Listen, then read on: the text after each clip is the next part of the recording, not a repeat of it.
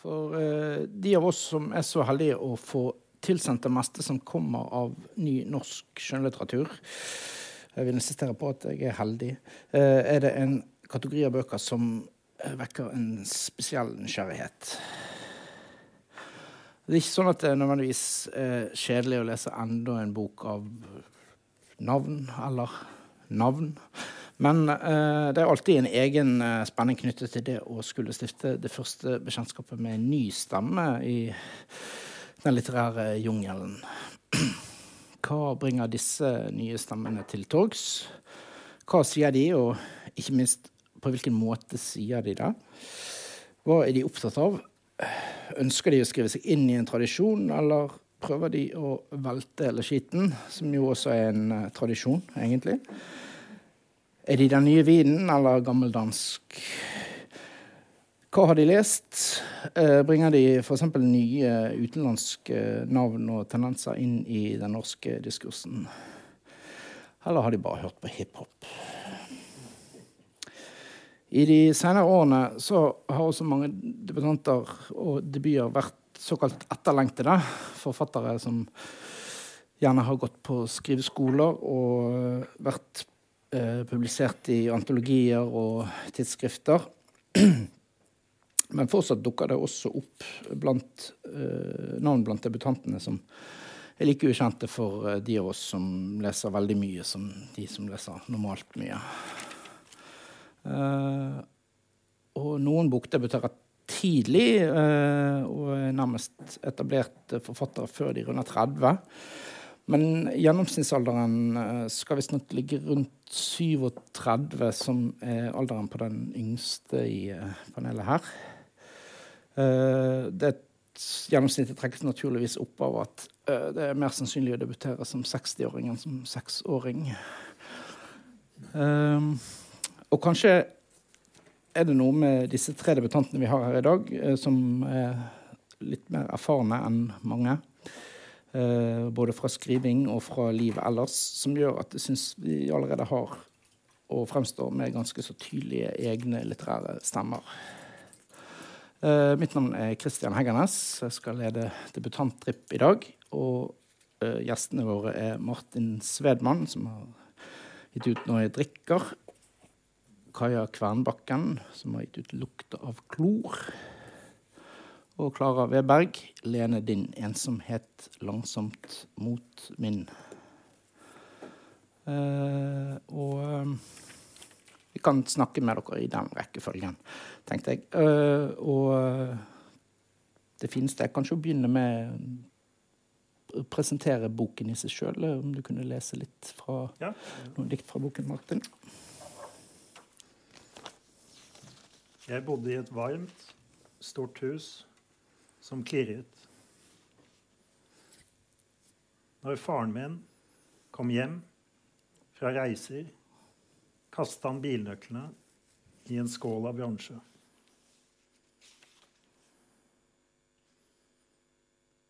Har ikke sett tanten min på lenge.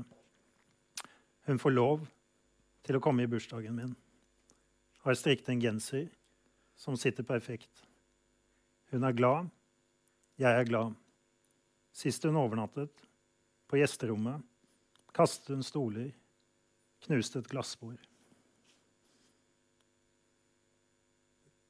Vi kan ta et glass eller to. Det gir en behagelig følelse. Andre tåler ikke å drikke, sier foreldrene mine. Jeg vil finne ut om jeg er som dem. Takk. Ja, så, um, uh, dette var de første tekstene i uh, diktsamlingen uh, 'Når jeg drikker', og som har fått masse oppmerksomhet. Og første opplaget har blitt solgt ut. Det er svært sjelden det skjer med en diktsamling, og ikke minst en første diktsamling. og boken handler jo om det som han heter. eh, om eh, eh, Henrik som tidlig introduseres for alkohol, kanskje via en slags nysgjerrighet, og raskt forsaker mye annet i livet for alkoholen. Mm. Uh, og vi følger han gjennom boken langt inn i voksen alder. Um, Ja, det er hele, helt fra han er ja. Jeg vet ikke, åtte eller noe sånt, til han er 30. Ja, ja, ja. Det er noe sånn. Mm. Eh, hele den eh, kurven Ja. Med uh, de første den, For smaken på ja, det begynner jo ikke med at han får smaken. Da, egentlig. Det begynner jo med at uh, Ja, det begynner jo med en sånn trygghet og mm, mm, lengte etter Ja, en lengsel etter noe, da. mm, Ikke sant? Det er mm, disse mm. små diktene i, i begynnelsen. Uh, og klirringen, det er jo ikke flasker. Det er jo Nei. nøklene. Det er når Mm, faren mm, kommer hjem. mm, mm. Men det er en lengsel. Uh, og tanken min var jo at uh, um, Nei, når han drikker, og det er jo, Mm. det er jo litt ute jeg, ikke sant? Jeg Mm, leste det jo ikke engang. Men så er det den brikken som manglet i Ja. puslespillet. Det er det, ja, men det, det er det at det har en uh, Det er liksom sånn jeg har tenkt, tenkt at, at dette fungerer. Eh, at, eh, at, eh, at det treffer ham veldig sterkt. Ja. Ja, han sier jo det, han har en begavelse for ekstase. Han Ja, ja. oppdager wow, alkoholen. Mm, mm. Uh, dette er jo meg. Dette funker jo.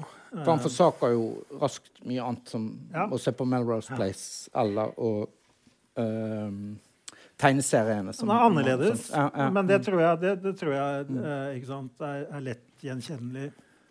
Og de fleste, når de er barn og ungdommer, og sånn, har jo en sånn følelse av å være annerledes. Mm, Eh, men, mm. men forskjellen Det som gjør han Han er jo virkelig annerledes, tenker jeg. Han, og, og det er jo nettopp det der at måten han Ja, den plassen som alkoholen får lov til å ta i livet hans, da. Mm, mm. Eh, og at, eh, eh, at eh, han er villig til å gjøre hva som helst for ja, må drikke. Mm, Ja. mm, mm. Så når jeg drikker, det er det den handler om. Uh, den diktsamlingen er jo um, Ja, det er drikking. Det er formen av den alkoholismen. Det er, Mm, mm. og det er kanskje det som er litt uvanlig med Det er, det er jo skrevet veldig mye om, om drikking ikke sant? I, i lyrikken. Det, er- det, er, det er det mest grunnleggende. Generelt, ja. Ja. Det er det mest grunnleggende eh, sånn tema, tror jeg, liksom fra hele eh, antikken. Og, men det er jo mer den type drikkeviser og den hyllesten.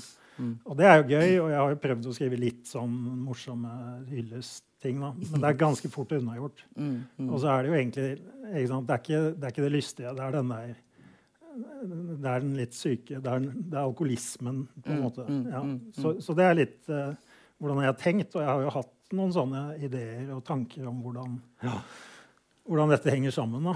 Ja, ja, ja. Um, ja. Ja. Mm. Ja, for da, man skal jo liksom gå dit det brenner, sier de. Og det har vel du gjort Uh, ja, det kan du si. denne- Eh, i dette prosjektet. Jo. Uh, absolutt. og ehm, ehm, Men en, en, en, ting er jo det, det kunne vært skrevet en roman også. Hvor- Hvorfor, eh, hvorfor ville du at, eh, skrive Ja, det som dikt? var det dikt? Eller måtte det bli sånn? Eller? Jo, jeg tror det måtte bli sånn. Eh, og det var noe med at Nei, men liksom, det er jo veldig knyttet til det, det å skrive. For meg var, var knyttet til Jeg sluttet å drikke. Jeg har, jeg har jo li, li, litt av de samme erfaringene som, som Henrik. Det er mye av, av ting som jeg har tenkt, og, og ting som jeg har følt og, og opplevd. Mm, mm. Som, som det, det er stoffet i denne, i, i denne diktsamlingen.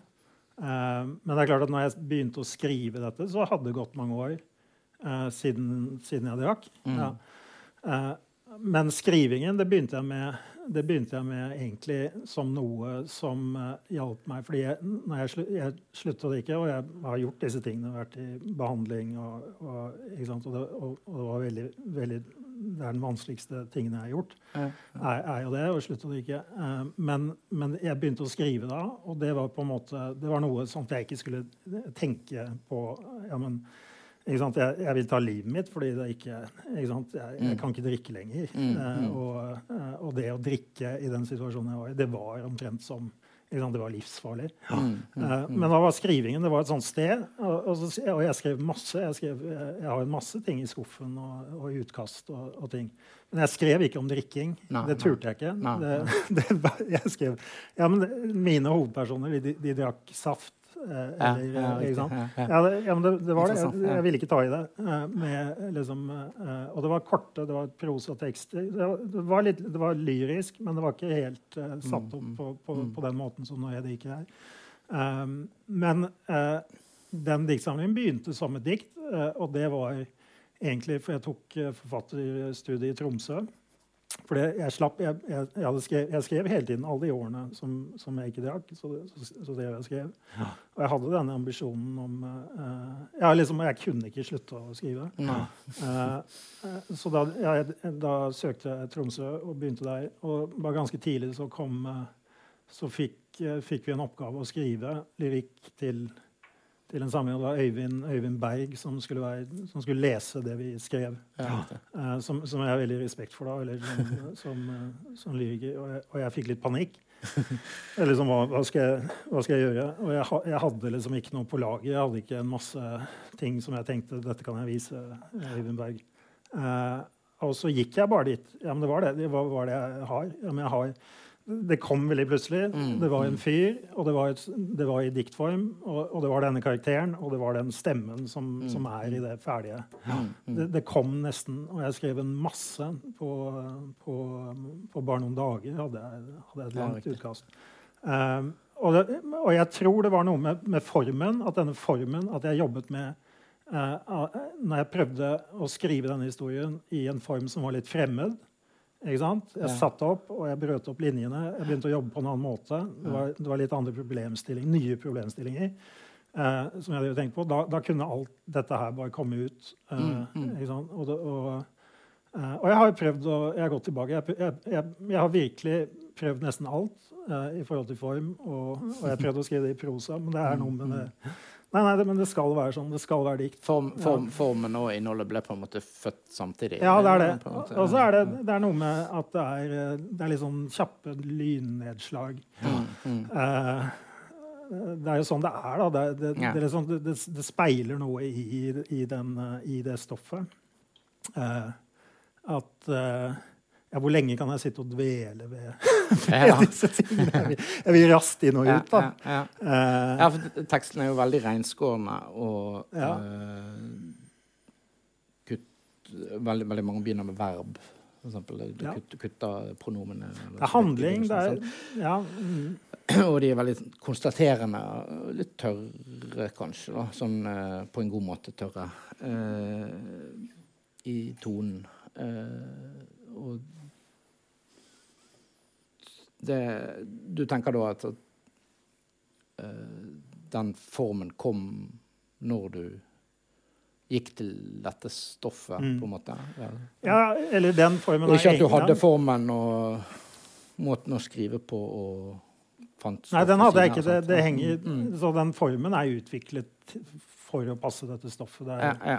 det er liksom det er parallelt. Eh, men du kan si, det har jo litt med hvordan Egentlig så var det et langdikt. Det var et, det var et Ja. svært, sånn, veldig vilt manus med masse, se, måte med masse litt sånn litterære, mye sånn litterære referanser og, Ja. og, og noe av det. Men, men i, den, i, i den boken her så er det jo musikk han er opptatt av. Han er, Ja, ja. det, er mot, det, er, det er ikke måte på hva han Ja. ja. Ja, er veldig motsatt. Ja, Ja, riktig. Men der var det mye litteratur, og det var mye Ja, ja. liksom hentet fra fransk litteratur. og liksom. Eh, Så, så, men, men det var den stemmen var, var, var der, på en måte. Og det er det jeg tenker meg at dette er eh, Dette er jo noe litt eh, Den kan leses eh, eh, jeg ja, Det er en lydbok som er rundt sånn 50 minutter. hvis Mm. du hører på den, og, og det stemmer litt med en sånn slags type ehm, Ja, skal vi si en sånn livshistorie som du har i rusbehandling, og du har Mm. eh, på ulike typer Mm. ja, Hvor alkoholikere møtes og sånn. Du har en viss form, du har en Ja. viss, og du har en viss fortellertradisjon Ja. innenfor, Mm. innenfor uh, hvordan, hvordan forteller man en rushistorie. Mm. Og det har jeg lekt litt med. Ja, Ikke sant? Det, har jeg, det, den type, det er en sånn tradisjon, en slags, og det er en muntlig, det er en Mm, muntlig greie. Det er ikke noe som er skrevet ned. Eh, så, det, eh, så det er det dette er. på en måte. Det er noe sånn, og, og at det er hakkete, at det er mye hvitt på siden, at det er Mm. mye stillhet. Og pauser. Det speiler på en måte Dette er en historie som jeg hadde villet høre på. Det er dette jeg, jeg hadde sittet helt stille og hørt på den liksom, Mm, når mm, jeg skalv og hadde angst. og liksom bare, Jeg vil drikke, eller jeg vil Mm. hoppe ut av vinduet. Eller, ikke sant? Og jeg, jeg må sjekke mobilen. Ikke sant? Men, nei, men ikke sant? Dette, det, var, det var mitt forsøk. da. Dette er, dette er en time med lindring, eller med Ja, hvor um, Ja, hvis man er på det hekserittet mot bunnen, så kan du more deg litt med når jeg drikker. Liksom. Men det, ja, for det er ikke noe, ikke sant? Prosjektet mitt er jo ikke å det er ikke å si at uh, alkohol er dårlig, eller, ikke sant? eller at man må leve sånn og sånn. Eller, Nei, det er ikke noe pekefinger i det. Mm. Men, um, um, men gjenkjennelse uh, har vært viktig. Ja, liksom å, å, å tenke at, at, at folk kan kjenne seg igjen i det, som har de Mm. erfaringene. Det var liksom litt utgangspunktet. Ja, eller ikke nødvendigvis andre erfaringer. Lignende erfaringer. Mm. Ja. Ja. Eh, hvis uh, Martins bok heter 'Når jeg drikker', så kunne den hett 'Når jeg svømmer'. Uh, for du skriver om uh, Mina, som er mye i svømmehallen. Eh, og ja, kanskje du først kan lese for oss litt fra boken også.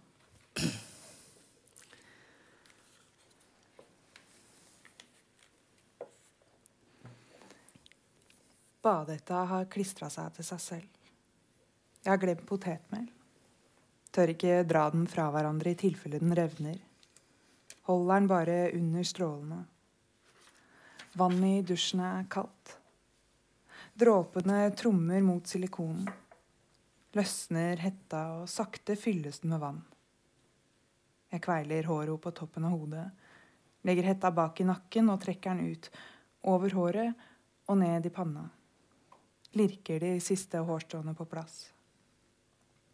Da jeg åpner døra ut til gangen, suges lufta inn som i et kjøleskap. Kaster seg over kroppen. Får huden til å knoppe seg. Jeg forsøker å slappe av. Beherske meg. Det hjelper for ikke å fryse. Gangen er mørk. Flisene ruglete under føttene. Jeg går så fort jeg kan. Opp trappa. Inn døra. Hallen er lys og varm. Vannet flatt foruten noen små krusninger fra dysene på bunnen. Jeg trekker pusten. De neste åtte ukene har jeg bassenget nesten helt for meg selv. Får ikke svømme mot Fred. Slipper å svømme mot noen andre. Jeg står på kanten og varmer opp. Svinger armene rundt i store sirkler. Forsøker å la bevegelsen komme fra skuldrene. Holder kroppen i ro. Kjenner hvordan det knaker i leddene. Først høyre arm, forover, bakover. Så den venstre. Og til slutt begge to. Hver sin vei. Jeg glir ned i banen nærmest veggen. Legger meg over i vannet. Kjenner at det bærer meg. Strekker armene ut, og alt blir klart rundt meg. Vannet lyser opp bunnen og taket og veggene. Jeg tenker ikke. Vet at jeg burde tenke. Sparke fra hofta. Slappe hender over vann. La tyngdekraften trekke dem ned igjen. Spare energi. I stedet kjenner jeg bare strømmen som glir over ansiktet. De harde flisene mot fotsålene når jeg vender. Vannet som hekter seg fast i hendene mine og lar seg presse bakover. Musklene mellom skulderbladene som trekker seg sammen. Strekker seg ut. Ligger bare med ansiktet rett under overflata og pløyer meg fram. Hører lyden av min egen pust. Boblene som slår hardt mot ørene under vann. Surklinga og ekkoet over vann. Etter 400 meter er musklene blitt varme. Pulsen jevn. Etter 400 meter kan jeg fortsette for alltid. Eh, dette er jo ikke en idrettsroman. Liksom. Er det en sjanger? Jeg Ja, det er absolutt en Eh, sjanger. Uh, uh, uh, men i, i, I så fall handler den på en måte mer om trening enn konkurranseelementet. da. Mm. Uh, men det er jo en roman om mye mer enn svømming også. Mm. Uh, Selv om man lærer veldig mye interessant om svømmehaller av dette. Som f.eks. at lukten av klor er sterkest når vannet har vært skittent. Som, som, mest skittent. Og masse uh, At det er fryktelig mange regler i brystsvømming. Mm -hmm. uh, jeg skjønner ikke at de klarer å, å koordinere kroppen. uh, men det handler jo også om hjemmesituasjonen til hovedpersonen Mina. Mm. og til å begynne med så opptrer egentlig svømmeminer og hjemmeminer nærmest på separate arenaer i deler som er konkret atskilt fra hverandre i boken. Mm. Og så må de på en måte må blande kortene etter hvert. da. Mm. Uh, men hun bor sammen med sin far. Uh, vi, moren nevnes vel aldri. Mm. Uh, og hun har også en liten bror som kanskje har noen slags atferdsproblemer eller noe sånt. Uh, og som faren sliter med. Uh, og kanskje litt utålmodig overfor i mange situasjoner. Mm. Uh, hva kom først? Å ville skrive en familieroman eller skrive en idrettsroman? Jeg tror svømmingen bare var der. Mm. det er helt klart For meg så har historien om Mina og lillebroren. Det har vært det viktigste for meg. Det, er, det, er det, det var det som kom først. Dette, dette forholdet dem imellom. Og så oppdaget jeg mens jeg jobbet med stoffet, at det var helt tydelig at hovedpersonen er en svømmer. Ja, ja. Uh, og, og, det var en så utrolig befrielse å ha den rammen å jobbe innenfor. Ja, uh, det kan være uh, ja, når det er snakk om kanskje mulig omsorgssvikt og det å ikke føle at du hører til i en mm, mm, familie, så, mm. Så er det veldig fint å ha et sted å søke tilflukt. Ja, det å kunne søke tilflukt i, i, i kropp og regler og ting som på en måte er et annet sted. Det, ja da, for jeg opplever jo virkelig at det, uh, mine Svømmingen og alt rundt det fungerer som en måte å holde det andre på avstand litt, da. Mm. Uh, men uh, til slutt må hun jo ta et valg. Mm. det skal ikke jeg uh, spoile for noen. men, men det veldig, For det har vært et veldig spesielt forhold mellom mine og faren, opplever jeg, i begynnelsen av boken. Så, I den første delen der er, vi introduseres for vannene som element, nærmest. Mm. Så er det også en tekst som også er referert på baksiden der. På, i sånn dyp, dyp tank på Håkonsvern, antagelig, mm. med faren. Uh, dykkertank for 20 meter dyp, eller noe sånt. Og, og, de, og de, de, har det fellesskapet knyttet til vann, på en måte. da. Og så uh, har da denne broren kommet til. Og på en stund i boken så sier han at før du ble født, så var pappa helt normal. Mm. Uh, det, det, var veldig sterkt, da. Mm. Uh, ja, for, for, det er jo Samtidig så du holder mye altså Det er mye du ikke sier om denne situasjonen, da, mm. føler jeg. Uh, så mye som er opp til leseren. Det syns jeg er fint. Mm. og det var, det var kanskje det var helt sikkert intensjonelt. ja, det, det, det, er helt klart. Eh, og det er litt tilbake til det jeg har snakket om med, med svømmingen. Å forholde seg til, til, kroppen. Og jeg ville hele tiden tvinge eh, historien inn i, i, det som er. Det er jo mm, tilbakeblikk, og mm, mm. spesielt i den første delen så er det mye tilbakeblikk til det som var godt. Ja, den gang det var paradisisk Tilstand, ja, den gang alt var fint. Den gang hun hadde sin fars fulle oppmerksomhet, og, og det var bare de to. Og så kommer broren til, og hun mister broren. Og har på en måte bare seg selv ja. og svømmingen. Um, så jeg ville veldig gjerne spenne opp det lerretet, den kontrasten mm, mellom mm. det som en gang var veldig fint, og det som har, det har blitt det nå. Da. Ja, ja, mm. ja. Mm. Samtidig så blir hun jo sett, da. Uh, av, det kommer en ny trener til svømmeklubben, Therese, som ser talentet helt opplagt i Mina. da. Mm. Og som derfor er strengere med hun kanskje enn med de andre.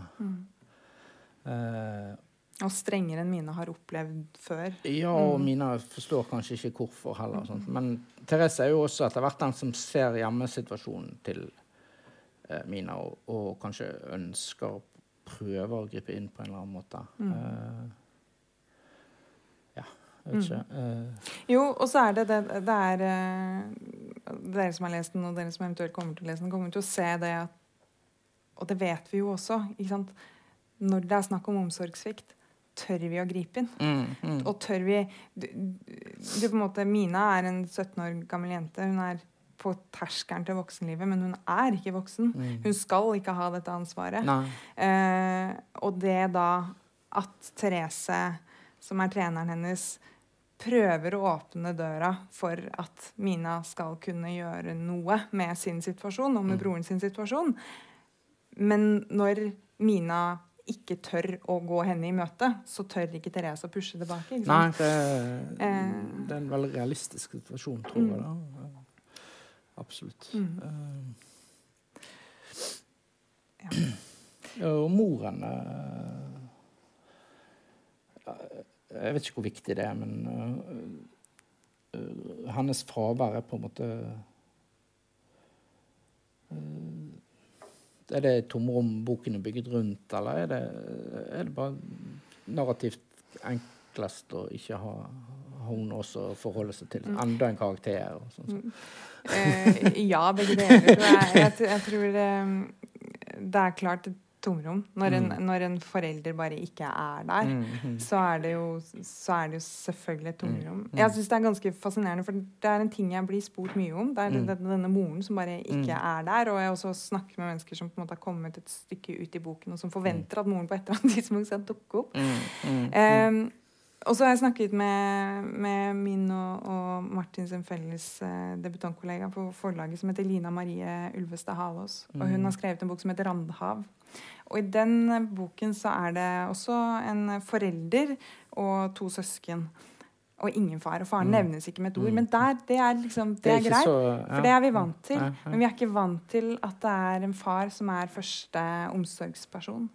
Um, mm, det er veldig interessant. Uh, ja. uh, Kjønnsrollemønster er sånn at vi fortsatt uh, reagerer. Reagerer kraftig på, på, det. Mm, mm. Og, det, og jeg syns jo det er veldig veldig spennende, fordi det er helt klart at Mina og Jo, da, som broren mm. hennes heter, har en veldig veldig omsorgsfull far. Men så blir det noe gærent der, og det ja, blir for mye. ikke sant? Det blir for mye for han, ja. tror jeg. Og for meg så handler ikke det om Han blir borte i perioder. Ja, ikke sant? Og for meg så handler ikke det om hvorvidt det er en far eller en mor. Det handler om at en sånn pressa situasjon er for mye for ethvert menneske. tror jeg. Mm, mm, mm. Så, så, ja, men det er jo klart det at det er, det er jo Det er jo med på å spennende situasjon det at det, det, er en forelder som bare ikke fins. Hun, hun, er borte. Ja, ja, ja.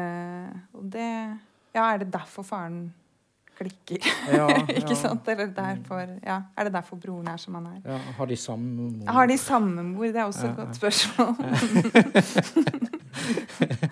eh, eh, så det er en bok som, som, får meg til å stille spørsmål også. Ikke bare, ikke bare lære om eh, svømmehallens videreverdigheter. Klara Weberg har gitt ut en roman som har et Stein Meren-sitat som tittel. Lene din ensomhet langsomt mot min. Altså, Jeg har ikke visst det hvis ikke det var for at det står inni at det er et Stein Meren. Det er ett ord som er byttet ut, da. Ja, okay, ja. langsomt. Det er egentlig stille i okay, hans ja. dikt. Uh, ja uh, Skal jeg begynne med å lese noe? Lese litt fra boken? Ja. Talene, eller ikke? Det er tolv etasjer i Abels hus. 214 trappetrinn. Rakel har alltid vært fascinert av trapper. Vindeltrapp, spindeltrapp, L-trapp, U-trapp, S-trapp, repotrapp, rettløpstrapp, rulletrapp. Da hun var liten, lekte hun at trinnene var tangenter. Gikk trapper ved å spille sanger med føttene. Nøtte liten oppover, kjerringa med staven nedover. Hvis trappen var lang, måtte hun spille flere vers for å komme helt ned. Hun spilte Fløy en liten blåfugl også, men siste tone var skummel. Hun måtte hoppe fem trinn ned. Det er ikke mange som plystrer i trappene i Abels hus. Rakel lurer på om Jakob Krogstad er en plystrer, og hvilken toneart han går i. Da hun var liten, forestilte hun seg at alle mennesker gikk i en toneart. Noen i dur, andre i moll. Selv gikk hun mest i moll, som fiolinsonaten av Cæsar Frank. Først da hun skulle spille stykket selv, oppdaget hun at det het sonate for fiolin og piano i A-dur, til tross for at det var så trist. Tenk å ta feil av sin egen toneart.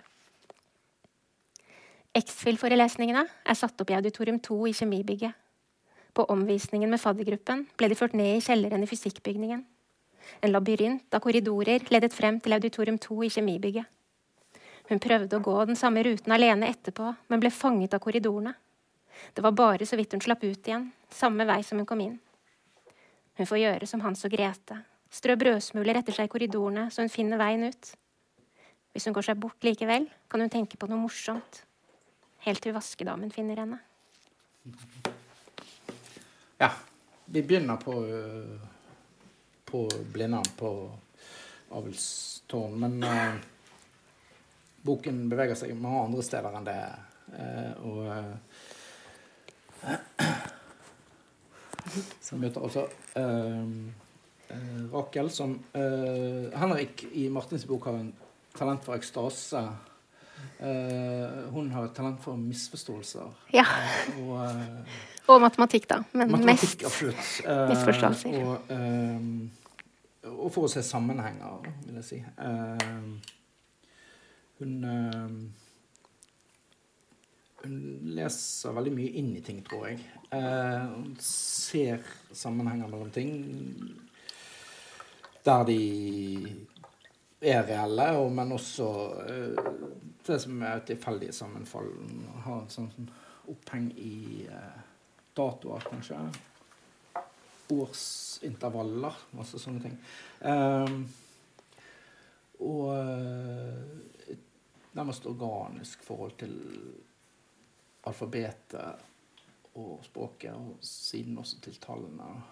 Eh, lettere å forholde seg til, kanskje, enn den virkelige verden. Jeg vet ikke. Eh,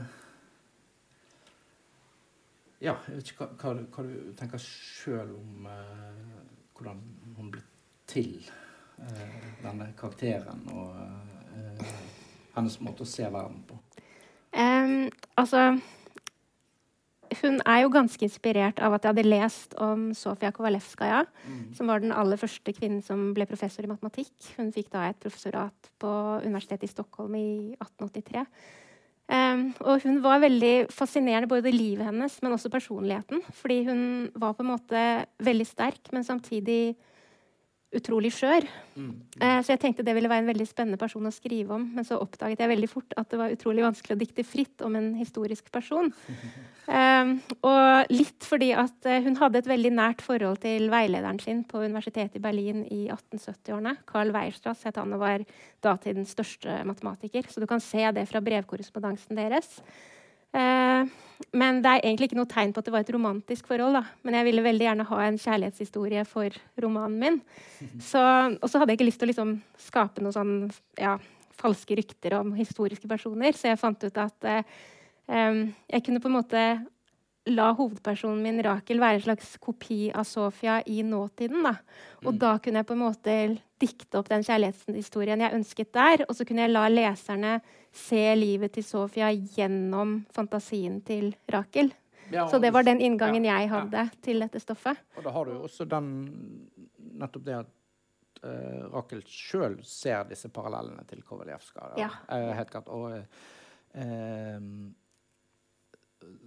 hun snakker vel om tanken på reinkarnasjon og sånne ja, ting. For eksempel, liksom. det, boken er full av spekulasjoner som er herlige å, å, å fordype seg i.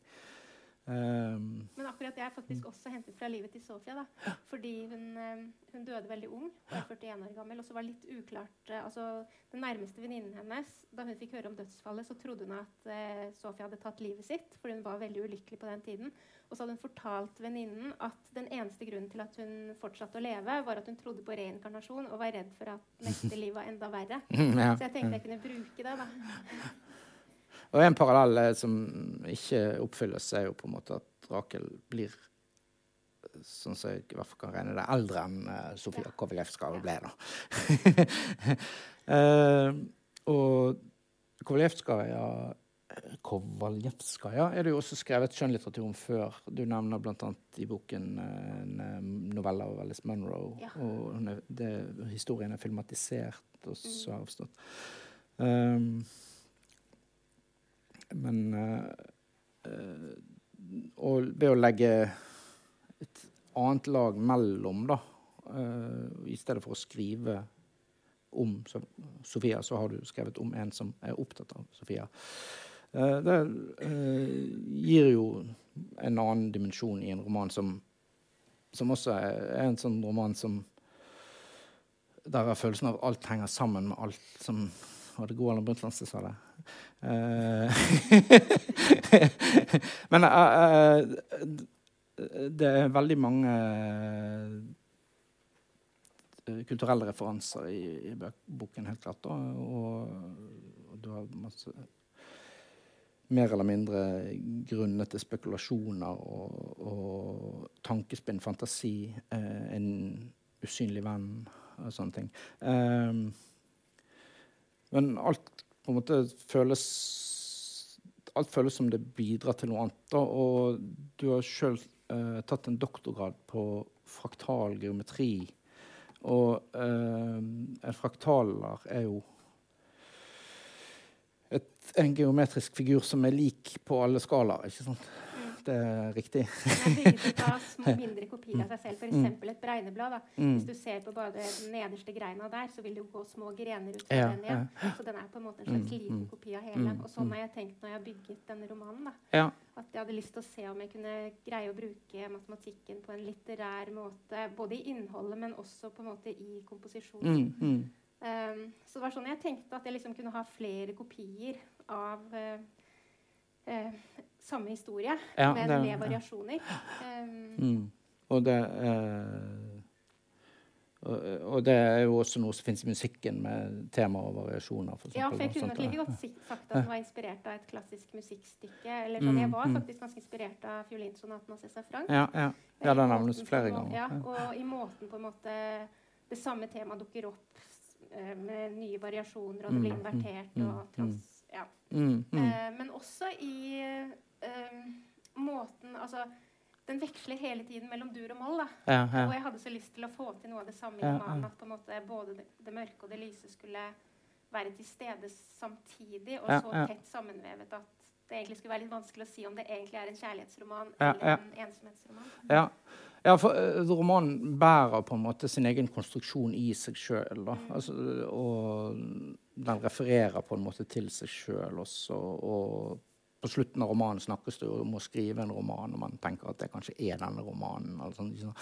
uh, og uh, Men hadde I forhold til den fraktale oppbyggingen der altså, du sier at du skrev boken og at du hadde en slags plan der du skulle fylle inn? Eller, eller oppsto den mer altså, organisk? Mer organisk. Men ja.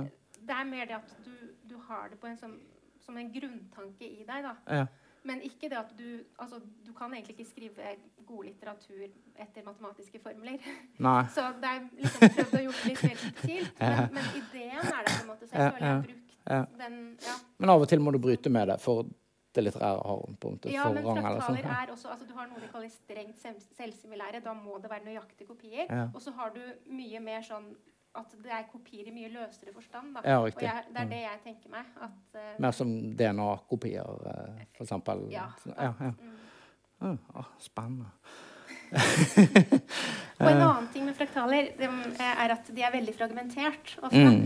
Og da jeg begynte, eller egentlig grunnen til at jeg begynte å skrive fordi ja, jeg tok jo en doktorgrad i matematikk og jobbet et par år som forsker på Universitetet i Oslo. Og så ble jeg syk. Sånn at eh, til slutt måtte jeg gi opp jobben min, da. Og da var jeg mye sengeliggende. Så mm, jeg måtte prøve å finne noe jeg kunne greie å gjøre selv om jeg mm. lå veldig mye i senga. Og jeg kunne ikke gjøre så veldig mye per dag, men jeg kunne bestemt meg for å skrive noen få setninger. da. Og da, dermed så endte jeg opp med masse forskjellige fragmenter, for det ble mm. jo ingen sammenheng. Mm. Og så var veldig mye av jobben å prøve å finne forbindelseslinjer mellom dem. Og når jeg da fikk den ideen at å, kanskje jeg kan forme det som en fraktal og at på en måte, For det er noen setninger går igjen med små variasjoner, og noen Mm. hele avsnitt går igjen med Mm, variasjoner. mm, mm. Eh, så ble, kom, fikk det liksom en form da, etter hvert. Ja, ja, ja det på en måte både fragment og den helhetlige komposisjonen. Så det er vanskelig å si hva som kommer først i den boken. på en måte. Altså de, eller de, de utfyller hverandre, da. Ja, og det som var Mm, veldig rart, var at det var egentlig det arbeidet med å sette sammen alle de fragmentene jeg hadde, at jeg følte Mm. egentlig at jeg kunne bruke det å ha tatt en doktorgrad i matematikk. For det, det var egentlig veldig likt. da. Mm, Der du er mm. vant til å på en måte lete etter sammenhenger, og hvordan henger dette sammen. Og så må du på en måte kna stoffet til det å liksom finner den formen det skal ha. Og det gjør du egentlig når du forsker i matematikk. Og, Ja, ja. sånn. Ja, fordi Ja. du skriver jo i slutten, eller mot slutten av boken så skriver du om dette her at, at du ser for deg at tiden er som en Ja. spiral. Ja, ja. Og at, eh, at århundrene på en måte ligger inntil hverandre med bare tynne hinder imellom.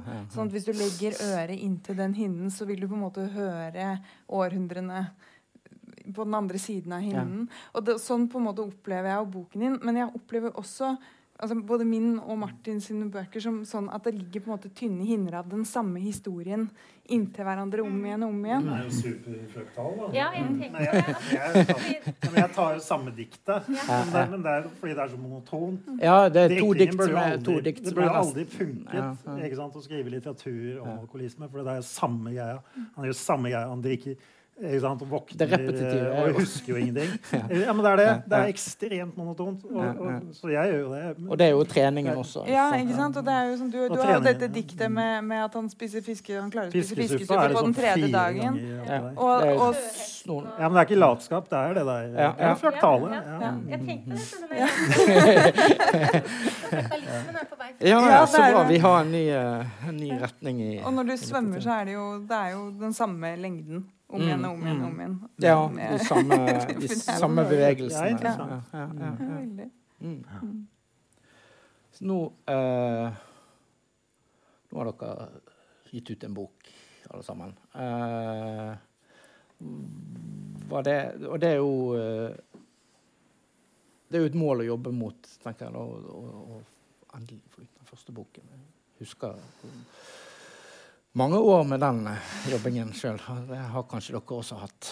Eh, eh, men så er det jo også egentlig for oss på andre siden er det jo starten på noe, da, den første boken. Eh, og eh, Jeg hørte at du driver research snart på tog. Ja. Så vi forventer en togroman fra, Ja. fra Kaja. Eh, den, er, den er ikke påbegynt. Jeg har påbegynt, jeg har begynt å jobbe med noe, ligger en føringer lig- ligger føringer for hva du skal skrive nå, da. Det blir, eh, det, blir den, det blir den vanskelige tredje boka. Da. Ja, jeg du først skriver skrive en andre bok. Mm. men, eh, men ja, nei Um, Er i gang med den vanskelige andre, Ja, boka, som de kaller det. Ja, ja. Eh, så håper jeg Jeg har en sånn følelse av at det skal liksom gå raskere med den enn med denne. Ja. Eh, men det, det vet man jo ikke, fordi kanskje trenger den eh, fire års modningstid, akkurat som den Ja, gjorde. litt er det jo sånn at du, Den første boken bruker du hele livet på å Ja. og den andre bruker du tiden etter du ble ferdig med den første boken. Og det, og det har jeg Det er liksom sånn Man, man sier hvor lang tid Det er jo et vanlig spørsmål. Hvor lang tid har du brukt på boken? Ja. Fire år, men egentlig da Den kom ut eh, da, da jeg var 36, så 36 år egentlig, ikke sant. Så, eh, det er klart at den andre boken, så lenge det er kortere enn 36 år, så er det jo kortere tid enn jeg har brukt på denne. Ja. Men eh, ja. Ja, for noen debutanter gir jo ut den første boken, og så er hva skal, hva skal jeg gjøre nå? Mm. Ja, kjenner dere på den, eller har dere jeg også er litt ja. Men eh, jeg hadde spurt meg for to uker siden, så hadde jeg liksom vært helt blank. Men så var jeg ja, på den litteraturfestivalen i Budapest. Mm. Eh, og det var litt sånn Det er det som er litt fint da, med å utgitt en bok. Mens jeg skrev, så tenkte jeg egentlig ikke på at den skulle utgis. Jeg, var bare, Mm. liksom, jeg hadde bare lyst til å få, få det best mulig. Mm. Men sånn nå etterpå, å på en måte få sånne reaksjoner av folk som har lest da. Så der nede så kom det bort en til meg og sa sånn Ja, eh, han, han hadde sett dette om Cæsar Frank. Og han, han elsket Cæsar Frank, og bestemoren hans elsket Cæsar Frank. Og har du hørt det stykket? Så sa han et stykke, da. Eh, Ja. Preludium, fuge og variasjon. Som jeg ikke liksom Jeg koblet ikke navnet til noe musikkstykke, så jeg gikk hjem og jeg tok YouTube. Og så, og så ble jeg veldig slått at ja, men dette stykket kjenner jeg så godt, for det har faren min spilt masse for meg da jeg var liten. Men da var jeg så liten at jeg ikke visste hva det het, og så er det Ja, forsvunnet for meg hele denne tiden. Det er sånn postøyeblikk, da. Ja, og så, og så eh, våkna jeg da samme natt av at på en måte eh, den bare kvernet, det stykket. Og det kjente jeg veldig godt igjen, for mens jeg skrev den boka her, da var det et annet stykke som Mm, kverna. mm, mm. Så da begynte jeg å tenke ja, nå tror jeg snart jeg er klar til å kanskje begynne å skrive igjen. Jeg tror jeg så i et eh, Og det var sikkert eh, fleipete sagt fra deg, Martin, i et intervju at du, Mm. nå skulle du skrive 'Når jeg ikke drikker'. Det er når jeg ikke drikker. Nei, det er ikke fleipete. Ja, men det er ikke sånn kynisk at jeg har en sånn franchi... Eller når jeg jobber eller bare jeg har masse når jeg drikker. Nei, men det, er jo det, men det var det som var planen med denne boken. skulle jo egentlig ikke handle om drikkingen. Mm. Eh, men, det, men det var det som Og jeg ville jo ikke skrive om eh, jo ikke skrive om det, Denne boken er jo veldig vond. Det er liksom Mm. virkelig den eh, Nei, det er ikke noe Det er ikke så mye ly. Jeg tenker at det er Den er mørk, da. Ja, ja. Ikke sant? Det er håpløst, eh, og han er motløs. eh, og han er liksom, det handler om alkoholismen. Det, er det, som er, det var noen som sa det er kongssubjektet her. Ja. Det er ikke meg eller det er ikke Henrik. eller noe sånt, Det er bare sånn brikker. Det er liksom, det er alkoholismen. Ja. Mm, mm. eh, I alle dens ulike former. da, ikke sant? Hvert dikt, Du får se den fra en litt annen vinkel. Mm. Uh, nesten som det, et, eh, ja, et slags monster. Mm. og det er jo sånn jeg opplevde det òg? Eh, Føler du at du ja. har blitt knyttet veldig sterkt til temaet du skriver om? ja, det forstår at det jeg jo vært- på en måte. Nei, ikke. Eh, eh, Kan det være negativt eller distraherende i forhold til å skulle skape seg en litterær karriere også? Uh, nei, jeg tror, jeg tror ikke det. Jeg, jeg, jeg ble overrasket over hvor mye uh, oppmerksomhet jeg Mm. fikk da, eller sånn for, for, for min person. Så jeg har vært i alle helgemagasinene i Norge og, sånne ting. Men eh, eh, Og grunnen til at jeg er overrasket over det, er at fordi jeg har jo, det er jo lenge, det er veldig lenge siden jeg har drukket. Mm, mm. Jeg syns jo ikke drikking er det mest spennende Nei. det, er, det er litt sånn uvan. Ja, men drikke, ja, jeg har jo skrevet denne boken, men uh, altså, uh, Men um, ja, så må man jo være litt naiv hvis jeg hadde tenkt på ja, men det er mye Jeg tror jeg tenkte at denne boken er for folk som meg. Som er, ikke sant? Det er for en spesiell målgruppe. Det er, Eh, fordi jeg, jeg, jeg har ikke gjort noe. Jeg har prøvd å bare uh, gå rett på sak. da. Uh, ikke sant? Det, har- det har ikke vært noe uttenkt med liksom, ja, dette kommer til å få masse oppmerksomhet. Og, så, Nei. så jeg, fikk, jeg ble veldig overrasket over det. Ja. Um, men, nei, men planen, boken skulle jo egentlig handle om det der å, å slutte å drikke. Og det er det jeg Mm. egentlig syns er, er Det er jo egentlig det er det som er vanskelig. Det er ikke noe, Mm. det er ikke noe bragd å liksom drikke. Det er, det Eh, Større bragd å så, det, så det er mye større bragd enn deg. Men det handler jo også om det. Altså det, det handler litt det er, det er jo Han slutter jo i perioder, så Jo. kan det se ut som han kanskje Det kan går ut på igjen på slutten. Ja, men jeg, jeg tror poenget, og det var det, det var um, et av de der Og det, det blir jo et, et spørsmål også om uh, liksom komposisjon og liksom fortellertekniske ting. Da, liksom. Han kan jo ikke bare bytte personlighet hvis du har investert tid og du har blitt kjent med denne fyren, Mm. og du vet på en måte Mm. ja, nå går det bra. ikke sant? Du, ja, så så ikke er Han må jo få lov til å drikke i denne boken. Det er jo det er når jeg drikker. ikke det er ikke, han kan ikke bli frelst og, bare, og bli en ordentlig liksom så, det er den, så den unngikk jeg, da. Jeg, jeg, jeg tror jeg, ville, jeg hadde en tanke om at jeg ville få med den type For det må jo en slags sånn for, personlighetsforvandling til på et eller annet plan. For å gå fra å drikke hele tiden, bare tenke på det, til å ikke, ikke, sant? Til å ikke gjøre det i det hele Og det å få til Ja. en personlighetsforandring i en Ja. litterær tekst det er, Ja, det er veldig greit. Da, da, må man, da må man gå inn for det, da. ikke sant? Eh, eh, så eh, Nei, men det, var, det- og det er en annen type drama. Du snakket jo om ja, språk i denne. Ja, ja, det er ganske nedpå. Det er jo fordi det er, det er masse drama Ja. bare i, i det som Og, Ja, og det bare. Det er tragiske stoff.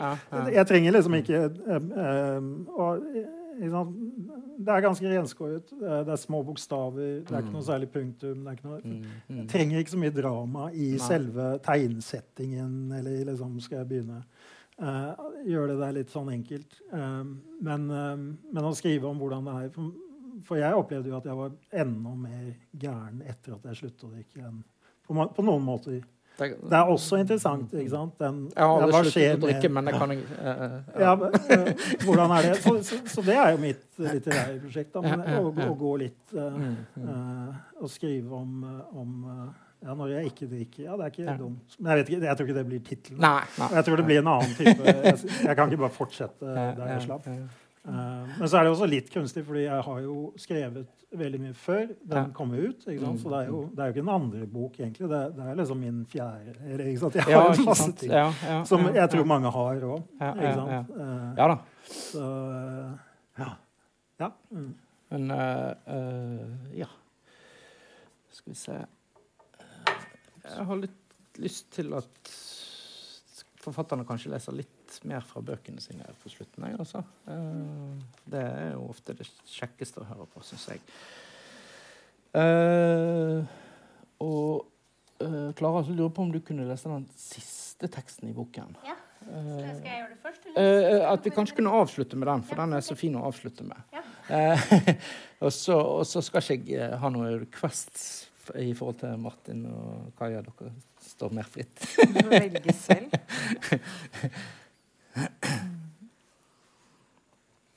Skal jeg begynne? Eller hvordan? Ja, takk. Ja. Moren min tror at drikkingen min er hennes feil. Orker knapt stå opp av sengen. Har mistet interessen for nevøene mine, søsteren min. Jeg tar mye plass i familien. I romjulen er vi på Beitostølen. Det er vår tur til å ha ferie sammen. Mens jeg var på klinikk, dro Sofie alene til Barcelona. På dagene står vi i bakken. På kveldene spiser vi middag og legger oss. Jeg drikker ingenting, tenker ikke tanken. Legger meg tidlig, vil bruke heiskortet mest mulig. Banker på alle dørene i hotellkorridoren. Sofie kommer ut, sier det er greit. Falsk alarm. Får meg inn på badet. Jeg sovner der inne. Hun hjelper meg opp i sengen. Vi sjekker ut neste morgen. Sofie kjører. Sier hun satt oppe hele natten. Slipper meg av ved ekspressbussen. Flyttebilen har dratt til minilaget på Økeren. Det er så trist å koble til Sofie og Henriks wifi. De dype rommene er avskoget. Nettverket er det eneste som er igjen. Jeg leste det siste. Ja. Jeg skrur av mobilen, låser meg inne med en plan om å se på Netflix, røyke sigaretter, ikke komme ut før skjelvingen har gitt seg. Kan ikke holde et glass. Fylle vasken med vann. Drikke rett fra vasken. Etter tre dager får jeg i meg en skje fiskesuppe. Det er deprimerende. Når jeg drikker igjen, er det som å bli frelst. Sender en e-post til Sofie om sjøhester. Bruker lang tid på den. Jeg skriver at sjøhestene opprinnelig hadde rette kropper, som små nåler. De drev hit og dit, men så skjedde en utvikling. Under press fra mørket og vannmassene. Sjøhestene fikk snute, en vakker nakke, et svakt lysende skjelett. Takk.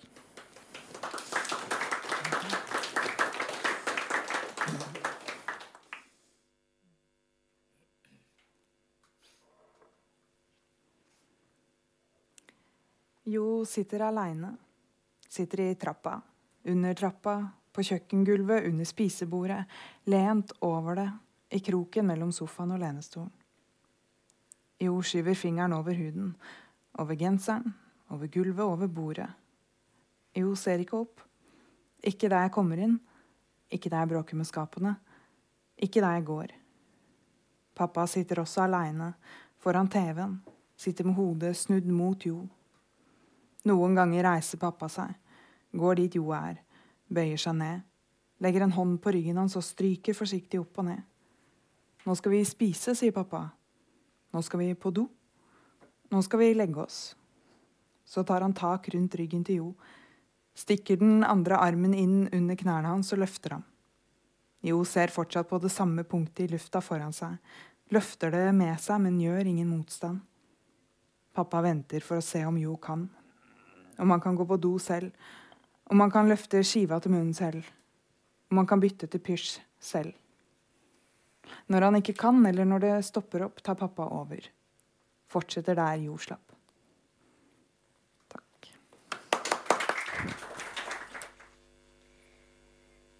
Når man skal vende seg bort fra en man elsker, må alle kroppens organer få beskjed. Det holder ikke at hjernen har bestemt seg, for hjertet kan få kroppen til å snu. Og leppene, livmoren, mellomgulvet, nakkegropen, øreflippene, øyelokkene, knehasene, tærne, hoftekammen, ja, selv navlegropen kan få kroppen til å snu.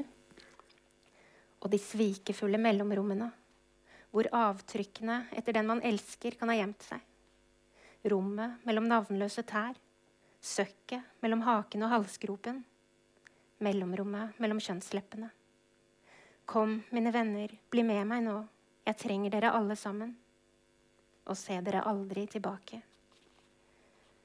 To lunger på vei bort.